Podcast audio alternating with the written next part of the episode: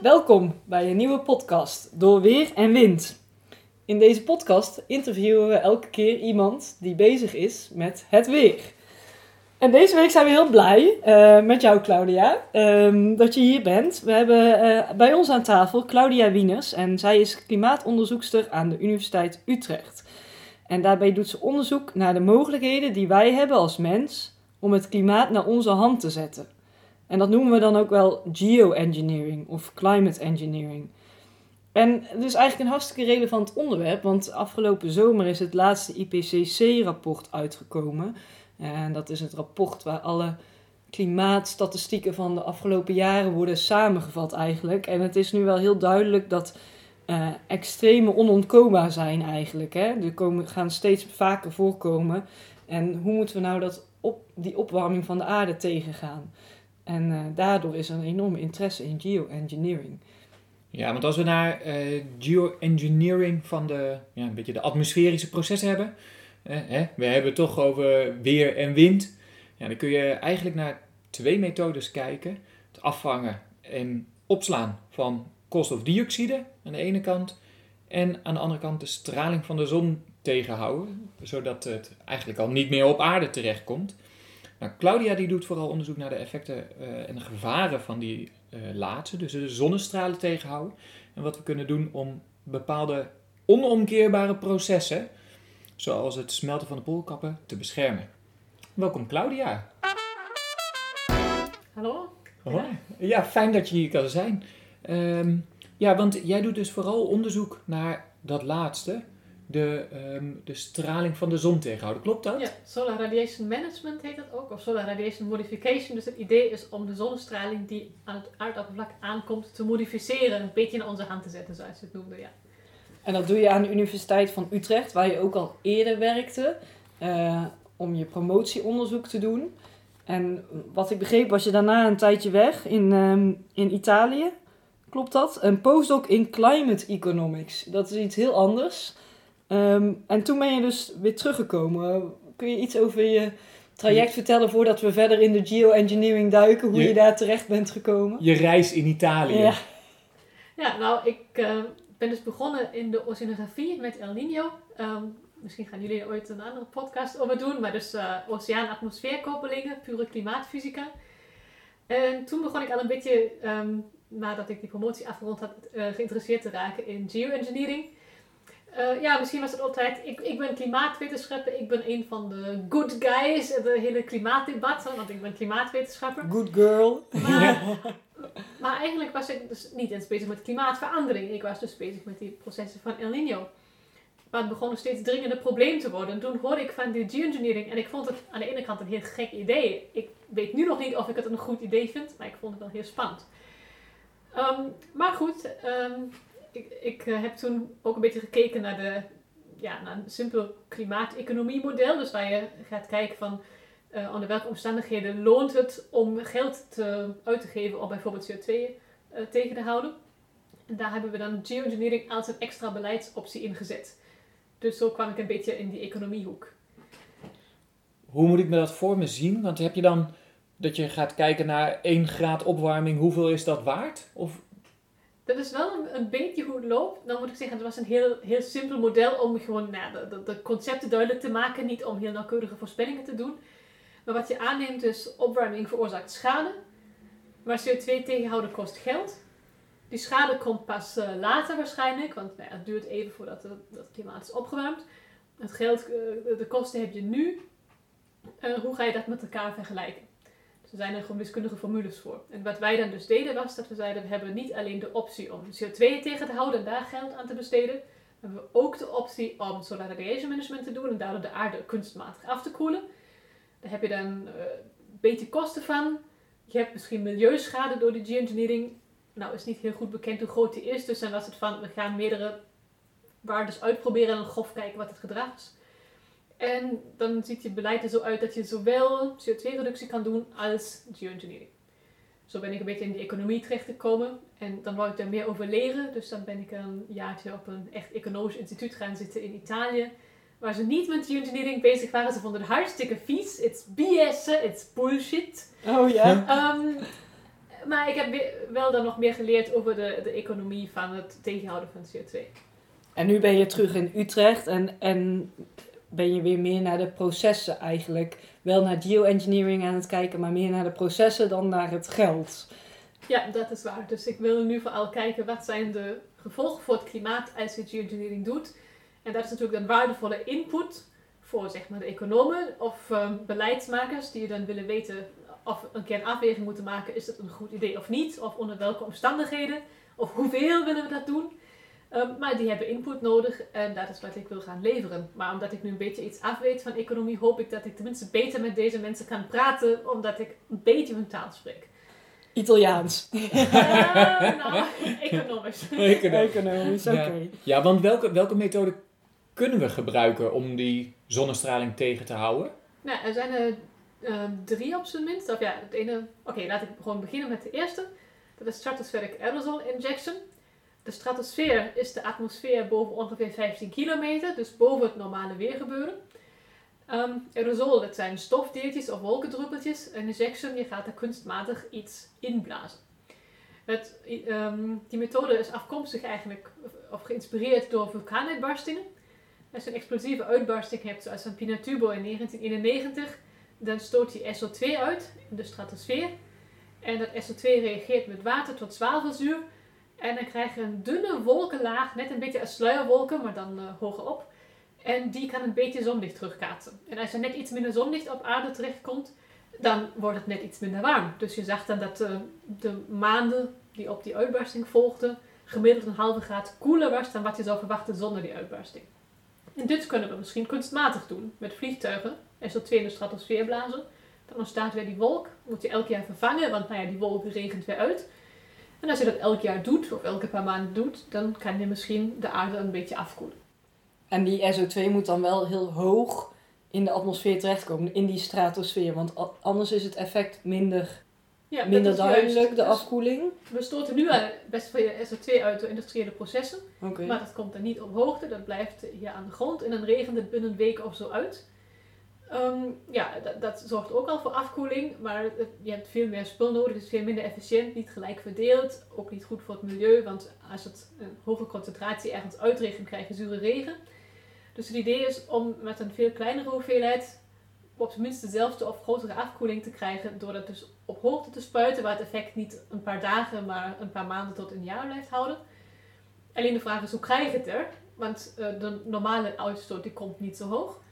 Dus de, eh, ja, de default option is dat je gewoon met speciale vliegtuigen, die er nog niet zijn, maar die ontwikkeld zouden kunnen worden, die dus eh, voldoende last op voldoende hoogte kunnen krijgen, in die stratosfeer kan vliegen en daar het SO2 of misschien andere geschikte stof kan uitspuiten. Oké. Want hoe werkt dat dan? Want je, nou, ik weet dat als het bewolkt is overdag, dan is het minder warm. Maar s'avonds als het bewolkt is, dan blijft het juist langer warm. Hoe zit dat met die wolken op, ja, op hoogte dan? Deze SO2-wolken. Heb je dan niet juist dat het s'avonds minder snel afkoelt? Eh, nou, je hebt inderdaad allebei de effecten. Dat die wolk zowel zonlicht terug kan kaatsen, wat afkoelend werkt, als ook een beetje infrarood, dus warmtestraling van de aarde tegen kan houden. Ehm, en ja, het, het is wel zo dat het eerste effect overweegt, dus het is netto afkoelend. Maar eh, ja, het is niet zo dat het andere effect gelijk aan nul is. Dus het koelt s'nachts, zal het dan op aarde minder snel afkoelen? Ja, s nachts in de winter, ik bedoel, ehm, ja, precies. En, en heb je dat dan, zulke soort wolken, eh, als je wil sterren kijken, zie je dan ook zeg maar een soort sluierbewolkingje ervoor? Of, of zeg maar, merken we het op aarde? Ja, zo'n vulkaanuitbarsting hebben we dat kunnen zien. Eh, die Mount Pinatubo noemde je al even, hè? in de Filipijnen. Kun je daar iets van zien door extra bewolking in Nederland? Of nou, toen eh, naartoe bezig was, toen was ik twee jaar oud, dus ik kan me niet goed herinneren. Toen lag je misschien wel op je rug. eh. Ehm, de uitbarsting van Eyjafjallajökull in IJsland, dat was een ander type uitbarsting, maar goed dan nog. ehm, ja, dat zorgt in elk geval weer voor veel ehm, rodere zonsondergangen. Dat kwam dus ook Ja. door, door zo'n soort eh, wolk. En ja, is in ieder geval wel de, de, de vrees dat de, ehm die geoengineering wolk wel niet goed zou kunnen zijn voor eh, ja, telescopen die sterren willen bekijken. Nou, niet dat je dan helemaal geen sterren meer ziet, maar het is net als een heel, hele zwakke wolkenlaag. Je ziet het misschien wel in elk geval minder. Ehm, ja, de, de zon ja, er is wat minder directe zoninstraling en wat meer diffuse zonnestralen. Dus de hemel ziet er witter uit en de zon ziet er wat zwakker uit. Dus je ziet het vermoedelijk wel een beetje, maar het is niet zo dat het lijkt alsof je altijd onder een dikke wolk leeft of zo. Eh, je moet wel weten wat je moet zien en dan zou je het kunnen zien. Ja, dat, ja. Ja. Of, of de zon wordt wat roder, mooie zonsondergangen. Ja, ja dat is waar. Hè? Als er veel Sahara-zand in de lucht zit, dan hebben we ook eh, mooie Ro- zons- rode zonsondergang. Ja, precies. Maar kunnen we niet gewoon wachten op een nieuwe vulkaanuitbarsting?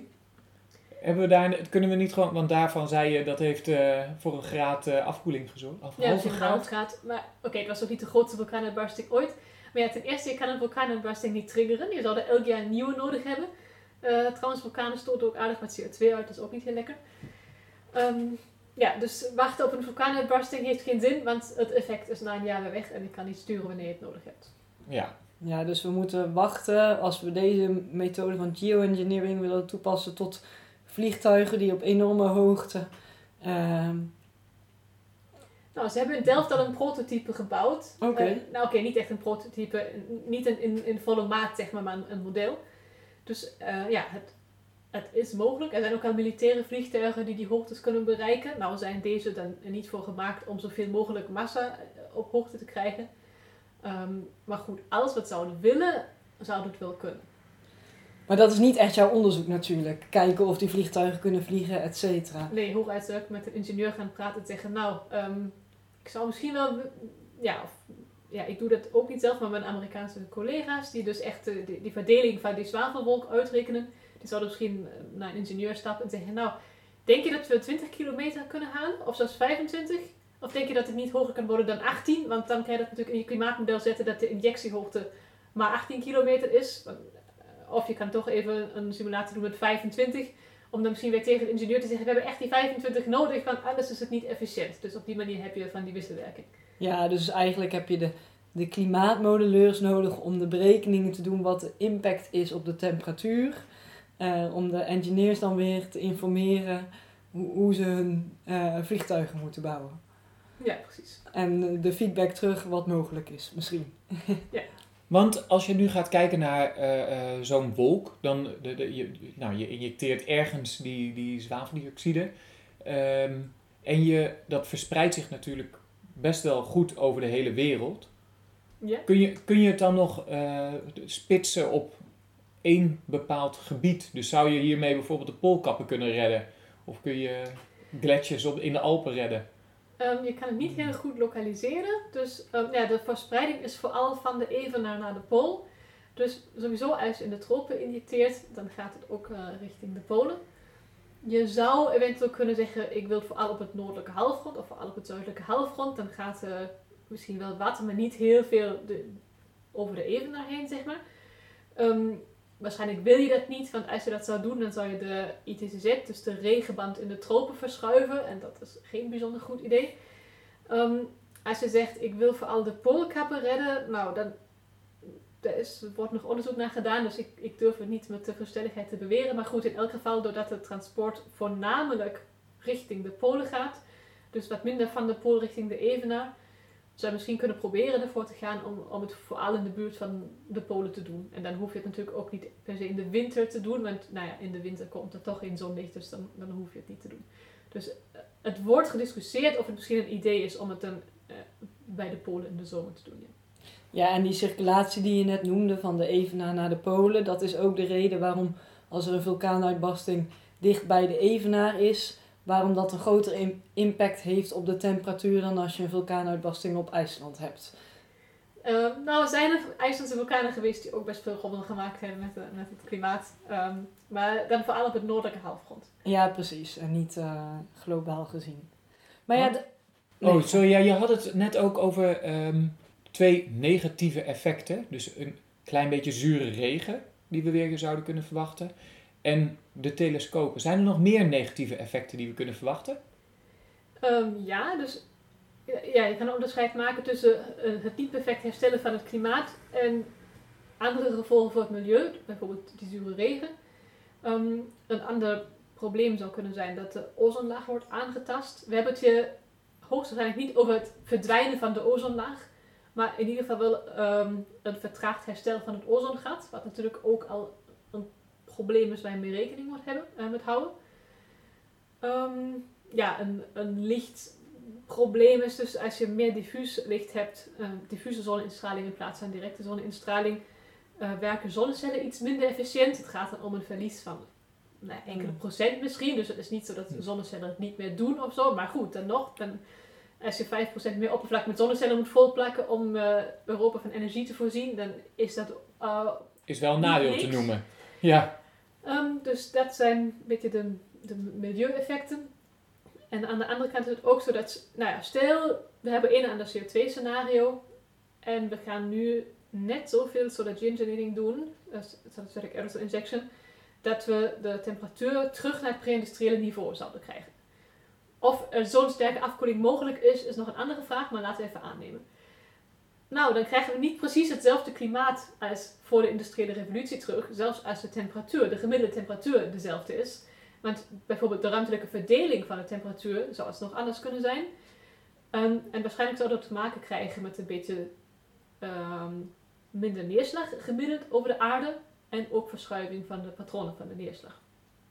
Ja, en hoe komt dat met die neerslag? Nou ja, ehm, CO2 warmt vooral ook de, wat hogere luchtlagen op. En solar radiation management beïnvloedt vooral de temperatuur aan de grond. Want ja, de zoninstraling wordt op de grond omgezet in warmte.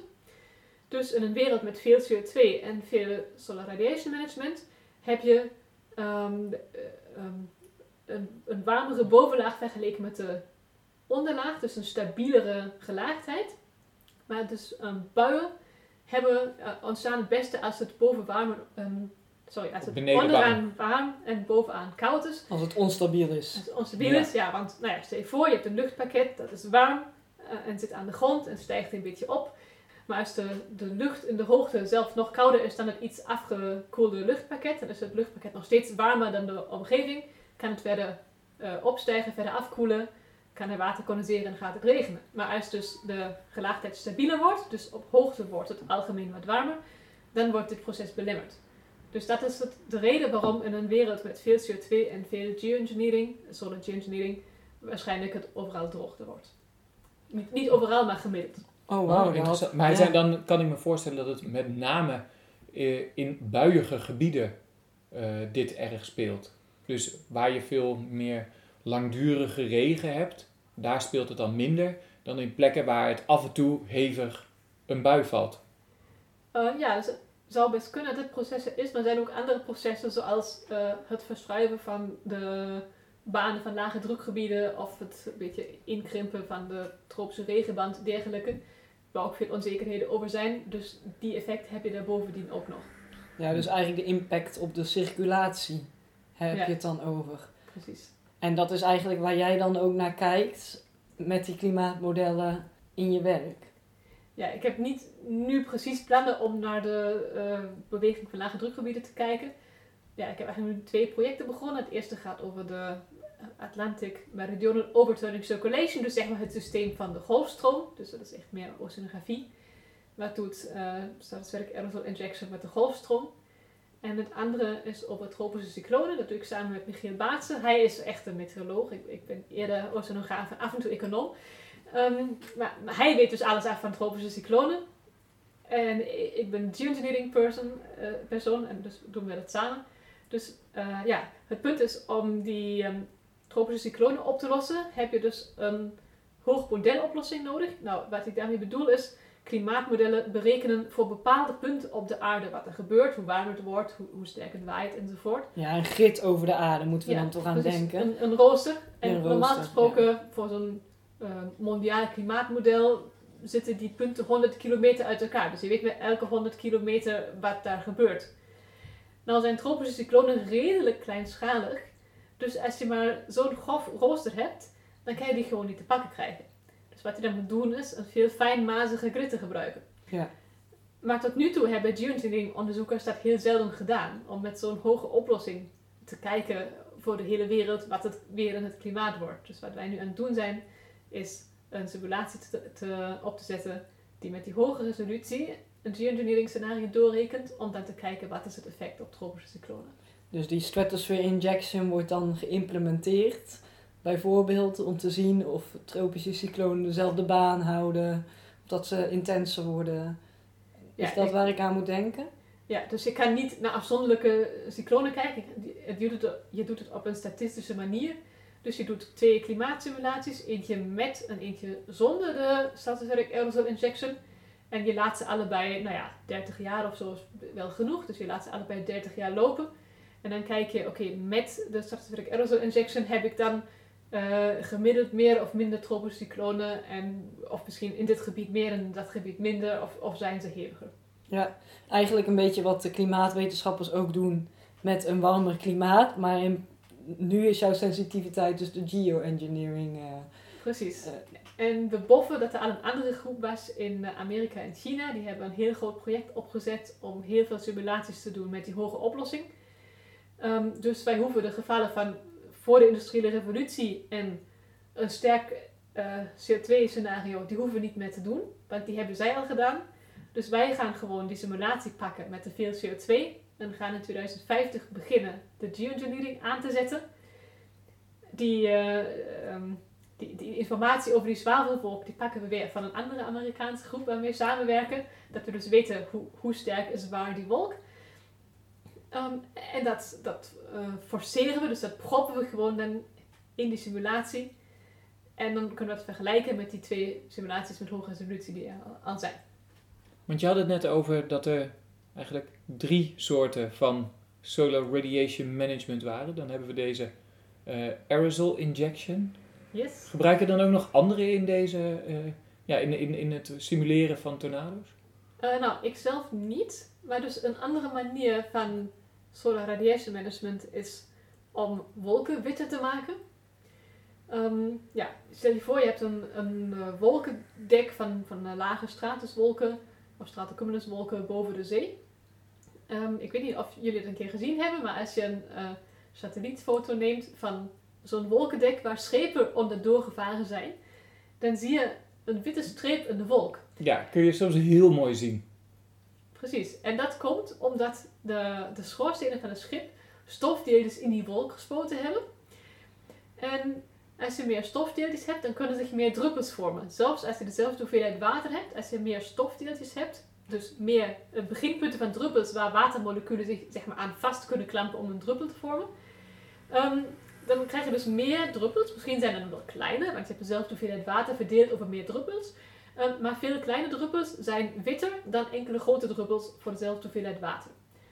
Dus, Dus voor, voor geoengineering is het dus belangrijk dat je, als je de wolken witter wil maken, dat je veel kleine druppels creëert. Precies, dus wat je dan moet doen is stof aanbieden aan wolk, dat ze veel druppels gaan vormen, zelfs al zijn die kleiner. En nou, je wil natuurlijk niet heel veel schepen er doorheen laten varen die eh, ook CO2 uitstoten. Dus het idee is ehm, om ja, een soort kleine scheepjes, die misschien wel zelfs met, met de zonnecellen kunnen worden bedreven, te laten rondvaren die een soort, eh, ja... eh, Sahara-zand spuiten. Nee, nee, nee, geen Sahara-zand, maar een soort wier hebben um, of, of, een, of een pomp om zeewater op te spuiten. Dus dan heb je zeewaterdruppels en als zo'n zeewaterdruppel condenseert, dan blijft er een klein zoutvlokje over, een klein zouthoopje. Oh. En nou ja, door natuurlijke doormenging, het meeste daarvan zal wel terug weer in de zee vallen, maar een deel daarvan gaat ook de hoogte in, gaat die wolken in en dient dan als eh condensatiekijn om zo'n druppel te vormen. Dus dat is eigenlijk een natuurlijk proces, die zeewaterdruppels, niet... eh, Ja, Een gaat gewoon een handje mee helpen om net Ja. iets meer eh, zeewaterdruppels te maken. Ja, dat is het idee. Maar is dat dan ook alleen waarom je alleen over zee naar eh, het witter maken van wolken kijkt? Of kun je dat ook over land doen? Want daar kun je natuurlijk ook allerlei deeltjes de lucht in mikken. Eh, nou ja, in ieder geval heb je daar grote oppervlaktes van wolken die dus nu vrij grote druppels hebben die je, die je kleiner kan maken. En ja, zoals je zegt, eh, boven land, nou ja, is er misschien wel bezwaar tegen. Of, eh, nou, weet ik eigenlijk niet of iemand erover nagedacht heeft om dat boven land te doen. In elk geval heb je boven zee veel zeezout en geschikte wolken. En er is verder ook niet heel veel mensen die er last van hebben eh, boven zee. En de zee, als de zon er direct op schijnt, ehm, is vrij donker. Dus absorbeert vrij veel water. Want als je wolken witter maakt boven een plek waar, nou ja, waar, waar de onder Ja. toch al eh, licht Oh ja. land is, dan heb je daar misschien ook minder aan. Ehm, het probleem is nou dat we nog niet echt weten of deze methode van geoengineering überhaupt werkt. Je kan wel zien met die satellietfoto dat er een direct effect is. Dus als er meer stof is, dan zijn de wolken eerst maar eens witter. Maar wat mogelijk is, is dat er ook terugkoppelingsprocessen zijn die dit effect weer compenseren. Want een idee is misschien dat de wolk minder lang leeft als hij dit doet. Omdat Oh, kleine ook sneller weer verdampen. Ik zou juist zeggen dat ze misschien langer leven, omdat ze minder snel uitregenen. Dat is ook weer een proces. Dus het, probleem is, ja, we weten het gewoon niet. Want alle deze dingen, dus wat ik zei en wat jij zei, kunnen spelen. Maar welk effect is groter? En ehm, dit is ook ontzettend moeilijk te modelleren. Want nou, ik heb net gezegd, hè, klimaatmodellen die zijn meestal hebben een oplossing van 100 kilometer. En wij onze hurricanes, wij doen super veel moeite om het op 25 kilometer te krijgen. Maar zo'n wolk, die is nog veel kleiner. Dus die eh, processen wat er met die druppelvorming gebeurt, nou, je kan niet elke wolkendruppel in zo'n model zetten, daar hebben de rekenkracht niet voor. Dus dat is gebaseerd op statistiek. Nou ja, als de wind dus en zo is en de temperatuur dus en zo is, dan, eh, nou ja, en de, de vochtgehalte dus en zo is, dan nemen we aan dat er die en die wolken ontstaan.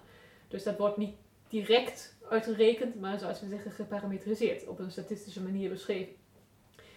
Ehm, ja, of je, je gebruikt een heel, heel klein model, wat maar twee, eh, twee kilometer of ja, twee vierkante kilometer zo bevat, dat je een afzonderlijke wolk kan uitrekenen. Maar dat doe je dan niet in een grote klimaatsimulatie. Dat is dan een model om wolkenfysica te begrijpen. En alsnog in een die, twee kilometer afstand heb je ook geen wolkendruppeltje gevangen. dan nog niet, yes. Ehm, of je doet metingen, maar goed, het is, ja, dat directe effect dat zie je heel gauw, maar of die wolk nou minder lang of langer geleefd zou hebben als ze niet daar gespoten had, eh, of als het schip daar niet langs was geweest, dat, dat is ook moeilijk te zeggen. Want is er wel iets te zeggen over de, de neerslaghoeveelheid dan? Neemt dat, ik kan me voorstellen dat dat afneemt. Want het of verdampt of de wolken blijven langer bestaan. Dan kan ik me voorstellen dat er minder neerslag uit gaat vallen. Nou ja, goed, maar dat is ook een beetje lastig te meten, denk ik, ten eerste. Want nou ja, je, je kan moeilijk zeggen, één jaar lang mag je geen schip varen. Op een normale scheepvaartroute. Ja, Zodat je kan vergelijken. Maar goed, in die tijd dat het scheepverkeer is toegenomen, is ook de opwarming toegenomen. En misschien dat voordat er schipverkeer was, was er misschien ook geen metingen of geen satellieten die dat gebied hebben bekeken. Dus eh, ik denk dat het best wel lastig is om te achterhalen of de neerslag in die gebieden veranderd is door scheepvaart. Dus het is eigenlijk vooral nog een hypothese, maar nog niet iets wat in uitvoering wordt gebracht. Het wolken witter maken. En geen van die stratospheric aerosol injection of wolkenwitte maken wordt tot nu toe uitgevoerd.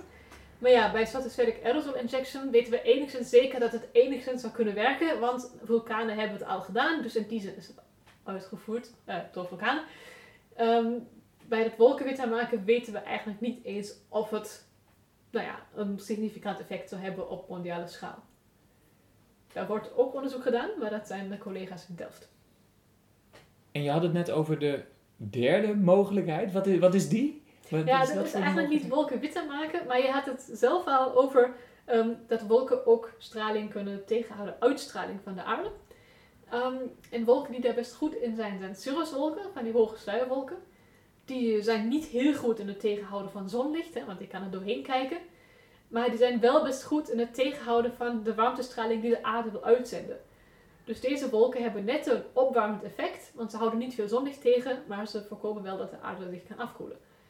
Nou, het idee is dat als we in deze wolken iets zouden kunnen spuiten, waardoor die ehm, eh, juist grotere druppels maakt die sneller op de grond vallen, dus als we die uh, cirruswolken kunnen uitdunnen, cirrusthinning, Uitregenen. uitregenen, uit sneeuw, weet ik veel, als ze maar weg zijn. Ehm, nou, dat zou dan voor een afkoeling kunnen zorgen. Maar net als met het wolkenwitte maken is het nog steeds niet duidelijk of heel, heel onzeker of dat wel een significant effect zou kunnen hebben. Dus dat zijn twee nou ja, speculatieve mogelijkheden vergeleken met stratospheric aerosol injection. Want is hier al iets mee gedaan? Want er staat me iets bij in China. Dat ze daar wel wolken hebben laten uitregenen. Bij de Olympische Spelen, dat ze bepaald weer... Dacht, zoiets, dacht ik. Ja, dat, nou, er zijn wel pogingen geweest om, dus dat is niet echt het klimaat beïnvloeden, maar het weer. Hè? Je wil dat het nu even niet regent. Ehm, ja, dus ze hebben het wel geprobeerd, maar of het, of het echt gewerkt heeft, of dat die wolk toevallig sowieso eigenlijk regen, regenen, is een beetje moeilijk te zeggen. Dus eh, ja, mis- misschien dat het, dat het werkt, maar het is niet zo dat er op zo'n grote schaal en statistisch significante experimenten geweest zijn dat je echt kan zeggen, ja, dit werkt. En je moet dan ook juist zorgen als je van die cirrus thinning of eh, vermindering van cirruswolken doet, dat je niet andere wolken vermindert, want die zorgen juist weer, de lagere wolken zorgen juist weer voor een afkoeling door de reflectie. Ja, gewoon, ik weet niet precies wat ze in die cirruswolken willen spuiten. Maar als het bijvoorbeeld zorgt voor ja, dikkere druppels. En je doet het misschien alleen als er een dik cirrusdek is. En niet als er een eh, goede cumuluswolk onder zit. Bij bepaalde weercondities kan, Bepaalde het, weercondities. ja. eh, kan het overwogen worden. Ja. Want wanneer, wanneer zou je eigenlijk geoengineering toe willen passen? Kunnen, blijven we dit dan de rest van ons leven doen? Nou, de rest van ons leven misschien... Goed, oké, laten we eerst zeggen. Ik weet nog niet eens, of niemand weet eigenlijk of het überhaupt een goed idee is om dit te doen. Maar goed, onder welke omstandigheden zou het overwogen kunnen worden? Ehm, ja, ik denk het belangrijkste wat we moeten doen tegen klimaatverandering is sowieso CO2-uitstoot minderen. Of überhaupt alle broeikasgasuitstoot minderen. Ehm, het op één na belangrijkste is CO2 wat er nu is uit de lucht halen. Dus die andere types geoengineering waar we het over hadden. Ehm, maar als dat niet genoeg is en we alsnog dreigen nare effecten te krijgen van de klimaatverandering, dan zou het een overweging kunnen zijn om daarbovenop ook nog solar radiation management te doen. Dus als voorkomen beter is dan genezen, dan is CO2 niet uitstoten voorkomen. CO2 uit de lucht halen is genezen. En stratospheric aerosol injection enzovoort, dus solar geoengineering is symptomenbestrijding. Maar als het symptoom een extra meter zeespiegelstijging is, dan wil je dat misschien alsnog bestrijden. Dan kan dat nog wel eens nuttig zijn. Ja, en nou, een mogelijkheid is natuurlijk dat we niet genoeg moeite doen met de CO2-reductie. Ik hoop vurig dat er echt wel genoeg aan gedaan wordt. Maar goed, ik, ik, ik ben niet de baas van de wereld. Ik kan dat helaas niet afdwingen.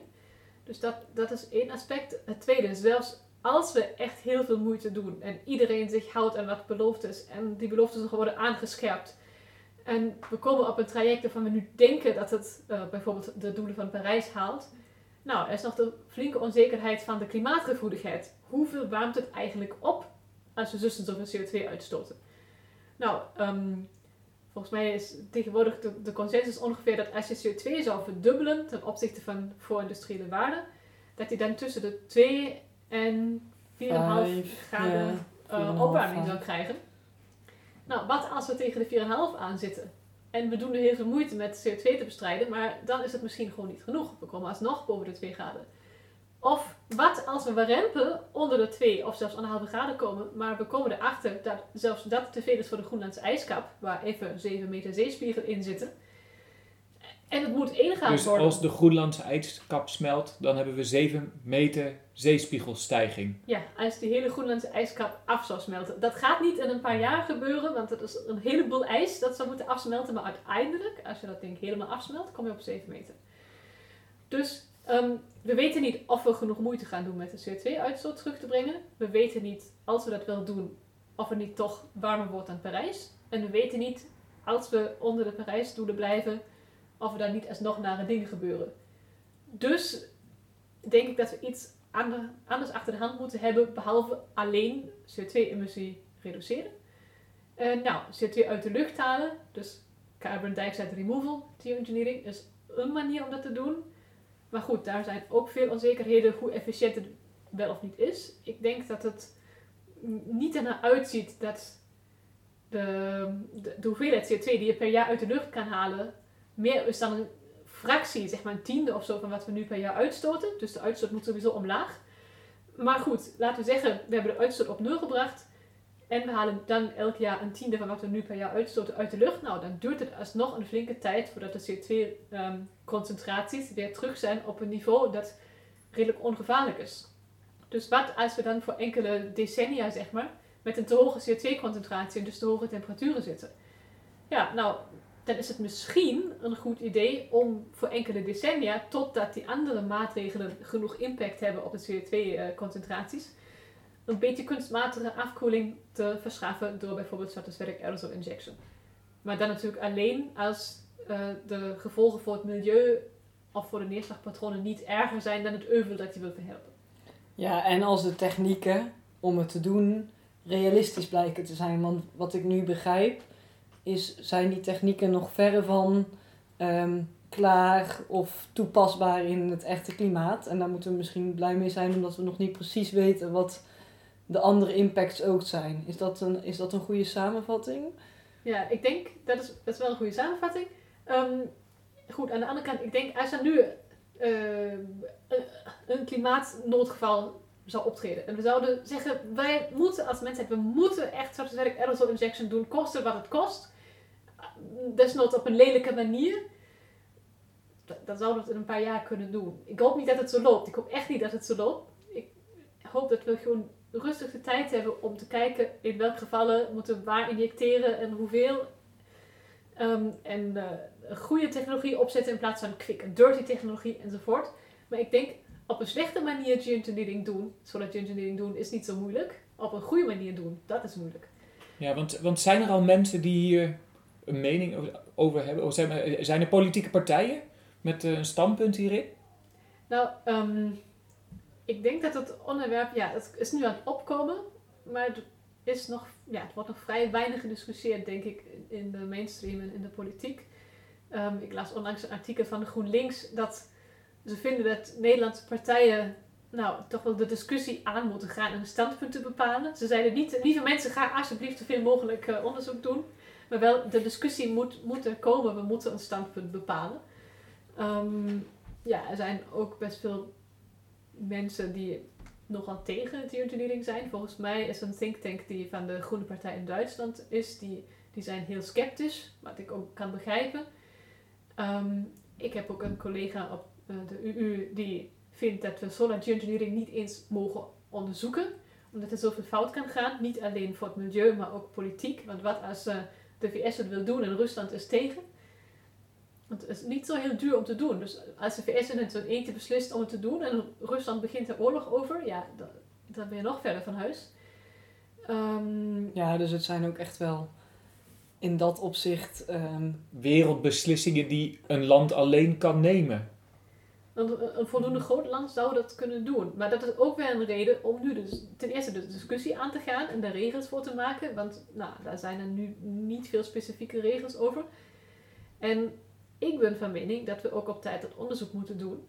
Niet alleen omdat solar geoengineering misschien een nuttig werktuig is om uh, de risico's van klimaatverandering te beperken, maar ook omdat onderzoek ons ervoor kan bewaren om echt stomme brokken te maken. Want uh, nou, stel over 20 jaar merken we dat er toch echt iets uh, heel naars gebeurt. Of India vindt het gewoon hartstikke te warm. En ze zeggen, nu willen we geoengineering doen. Als er dan goed onderzoek op die tijd gemaakt is, dat bijvoorbeeld aantoont dat bepaalde manieren van geoengineering heel schadelijk zijn of heel slecht werken, dan kunnen andere landen zeggen, hé, hey, India of VS of wie het nu wil doen, dit en dit werkt niet. Dus dan kunnen die landen die het ineens willen doen, niet zo makkelijk zeggen, maar het is niet bewezen dat het schadelijk is, dus we gaan het doen. Of als een manier gewoon niet efficiënt is, een andere manier wel, dan kan je ervoor zorgen dat zelfs in het erge geval dat ineens een groep mensen zegt, we moeten dit doen, want er is een noodgeval, dat ze dan tenminste niet de slechtste manier mogelijk gaan proberen, maar een manier die misschien kans van slagen heeft en waarvan de nare gevolgen een beetje beperkt zijn. Is dus, dat ook jouw motivatie eigenlijk om dit onderzoek te doen? Want wat ik begrijp is er nog een enorme toekomst in, in, dit, in dit veld van onderzoek eigenlijk, uh, in, in dit onderwerp. Nou, ik vind het wel. Ik vind dat, de, dat het een belangrijk onderwerp is om zoveel mogelijk informatie over te vergaren. Zelfs als de beslissing, de beslissing is, we willen dit niet. Maar dan moeten we wel, ja, we moet, ja, ik denk zo, we moeten de toekomstige generaties, over 20 jaar of 40 jaar of wat dan ook, die zich misschien in die situatie geplaatst voelen van de klimaatverandering is, voelt niet meer uit te houden, we moeten er iets doen die moeten we de kennis aan de hand geven om een beetje een goede beslissing te nemen. Dat vind ik belangrijk. En los daarvan vind ik het ook gewoon interessant uh, nou ja, om te kijken wat klimaatmodellen doen als je daar gekke forcering in zet. En nou ja, die klimaatmodellen schoppen de kont geeft en kijkt welke kant ze op gaan. Ja, dus het is een klein beetje um, met de, ja, dus het heeft twee kanten. Hè? Dus je bent gewoon intrinsiek gemotiveerd, zeg maar, of, of je vindt het interessant, maar je hebt ook wel het idee dat dat er mogelijkheden zijn of dat je daarmee kan in ieder geval kennis, extra kennis kan vergaren voor het eventueel verbeteren ehm, van het klimaat. Ja, en nog een derde reden waarom ik het een leuk onderwerp vind, is dat het eh, heel veel vakgebieden raakt. Dus ja, goed, ik ben nu weer terug eh, in de klimaathoek, dus ik doe een klimaatmodelsimulatie. Ehm, maar ja, je krijgt ook contact met, met de economen, met de beleidsmakers, met de ethici. Dus er was eh, vorige week een conferentie, Geoengineering, Climate Engineering in Context heette die. Nou, daar waren dus mensen van heel veel verschillende vakgebieden, allemaal op hun manier bezig met de vraag van... Moeten we het onderzoeken, geoengineering, moeten we, moeten het ooit een keer doen? Ehm, wat zijn de ethische problemen? Wat zijn de beleidsproblemen? Nou ben ik geen ethicus en geen beleidsmaker, maar ik vind het alsnog heel interessant om te horen wat die mensen te zeggen hebben. En dat heb je wat minder gauw als je gewoon de fysica van El Niño onderzoekt, dan wanneer je geoengineering onderzoekt. Nou, wij vonden het in ieder geval heel interessant wat je bij ons hebt verteld. Eh, grote dank daarvoor, Claudia. Ja, graag Het, gedaan. eh, eh, we weten weer een heel stuk meer over geoengineering en hoe we nou, eigenlijk de symptomen van klimaatverandering kunnen bestrijden. Ja, dat heb je mooi gezegd. Of eigenlijk Claudia mooi gezegd en jij mooi herhaald, Leon. Nou, dankjewel. Dankjewel ook voor het luisteren. En we horen je graag een volgende keer.